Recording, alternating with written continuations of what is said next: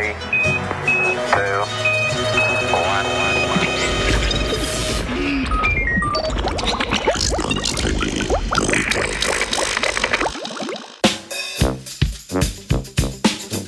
Zdolgočaseni otroci.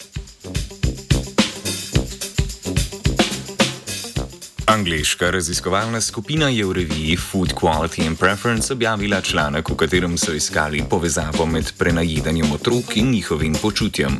Ugotovili so, da lahko zdolgočaseni otroci pojedo do petkrat več kilokalorij, kot otroci, ki dolgočasja ne čutijo. Prav tako se med dolgočasenjem poveča zaužitje sladkih in bolj kaloričnih živil. Na apetit otroka vplivajo dejavniki kot so genetika, njihov temperament in prehranjevalne navade, ki jih vidijo oziroma doživljajo v domačem okolju. Prejšnje študije so že potrdile, da otroci pojedo več, kadar so slabe volje ali doživljajo določena negativna čustva. Mednje sodijo žalost, anksioznost, jeza ali dolgočasje. Omenjeni članek pa je pod drobno gled vzel samo dolg čas, saj ga pri otrocih zelo hitro prepoznamo in ločimo od drugih negativnih čustev.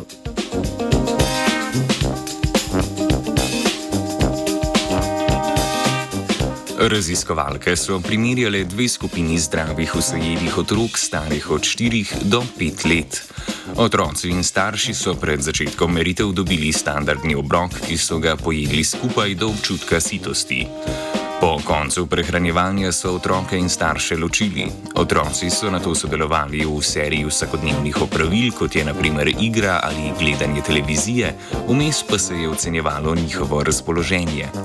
S pomočjo petočkovne likertove lestvice so otroci obkrožili obraz, ki je bil najbolj podoben njihovemu počutju. Kot del študije so znanstvene starše, znanstvenice starše poprašale o prehranjevalnih navadah in temperamentu njihovih otrok tudi naprimer o tem, kako doma rešujejo otrokovo zdolgočasenost.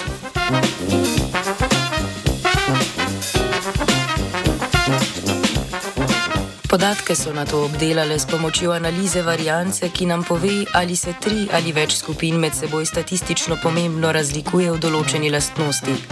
Za lažjo interpretacijo rezultatov so otroke razdelili v prvo skupino, kjer so se znašli otroci, ki so izražali dolgočasje, v drugi ali kontrolni skupini pa otroci niso kazali negativnih čustev. Ugotovili so, da če, po, če so starši pogosto uporabljali hrano za pomiritev otrokovih čustev, so otroci v povprečju pojedli petkrat več kilokalorij.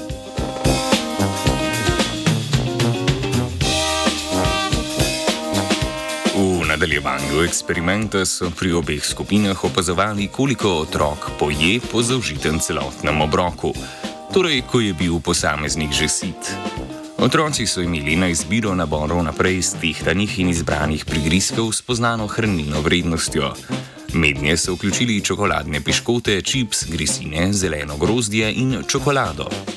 Otroci, ki so se počutili zdolgočasene, so pojedli več kilokalorij kot otroci iz druge skupine.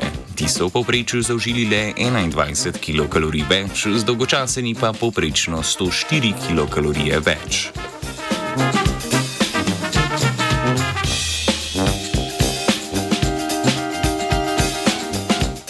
Pomemben dejavnik pri tako majhnih otrocih so, so torej tudi starši, ki poskušajo svoje otroke s hrano spraviti v boljšo voljo ali jih s hrano zamotiti.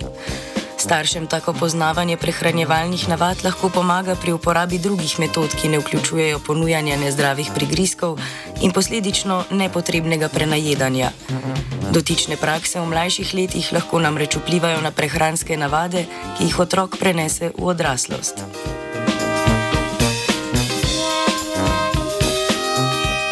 Dolgočasja in hrane ne kombinira Jana.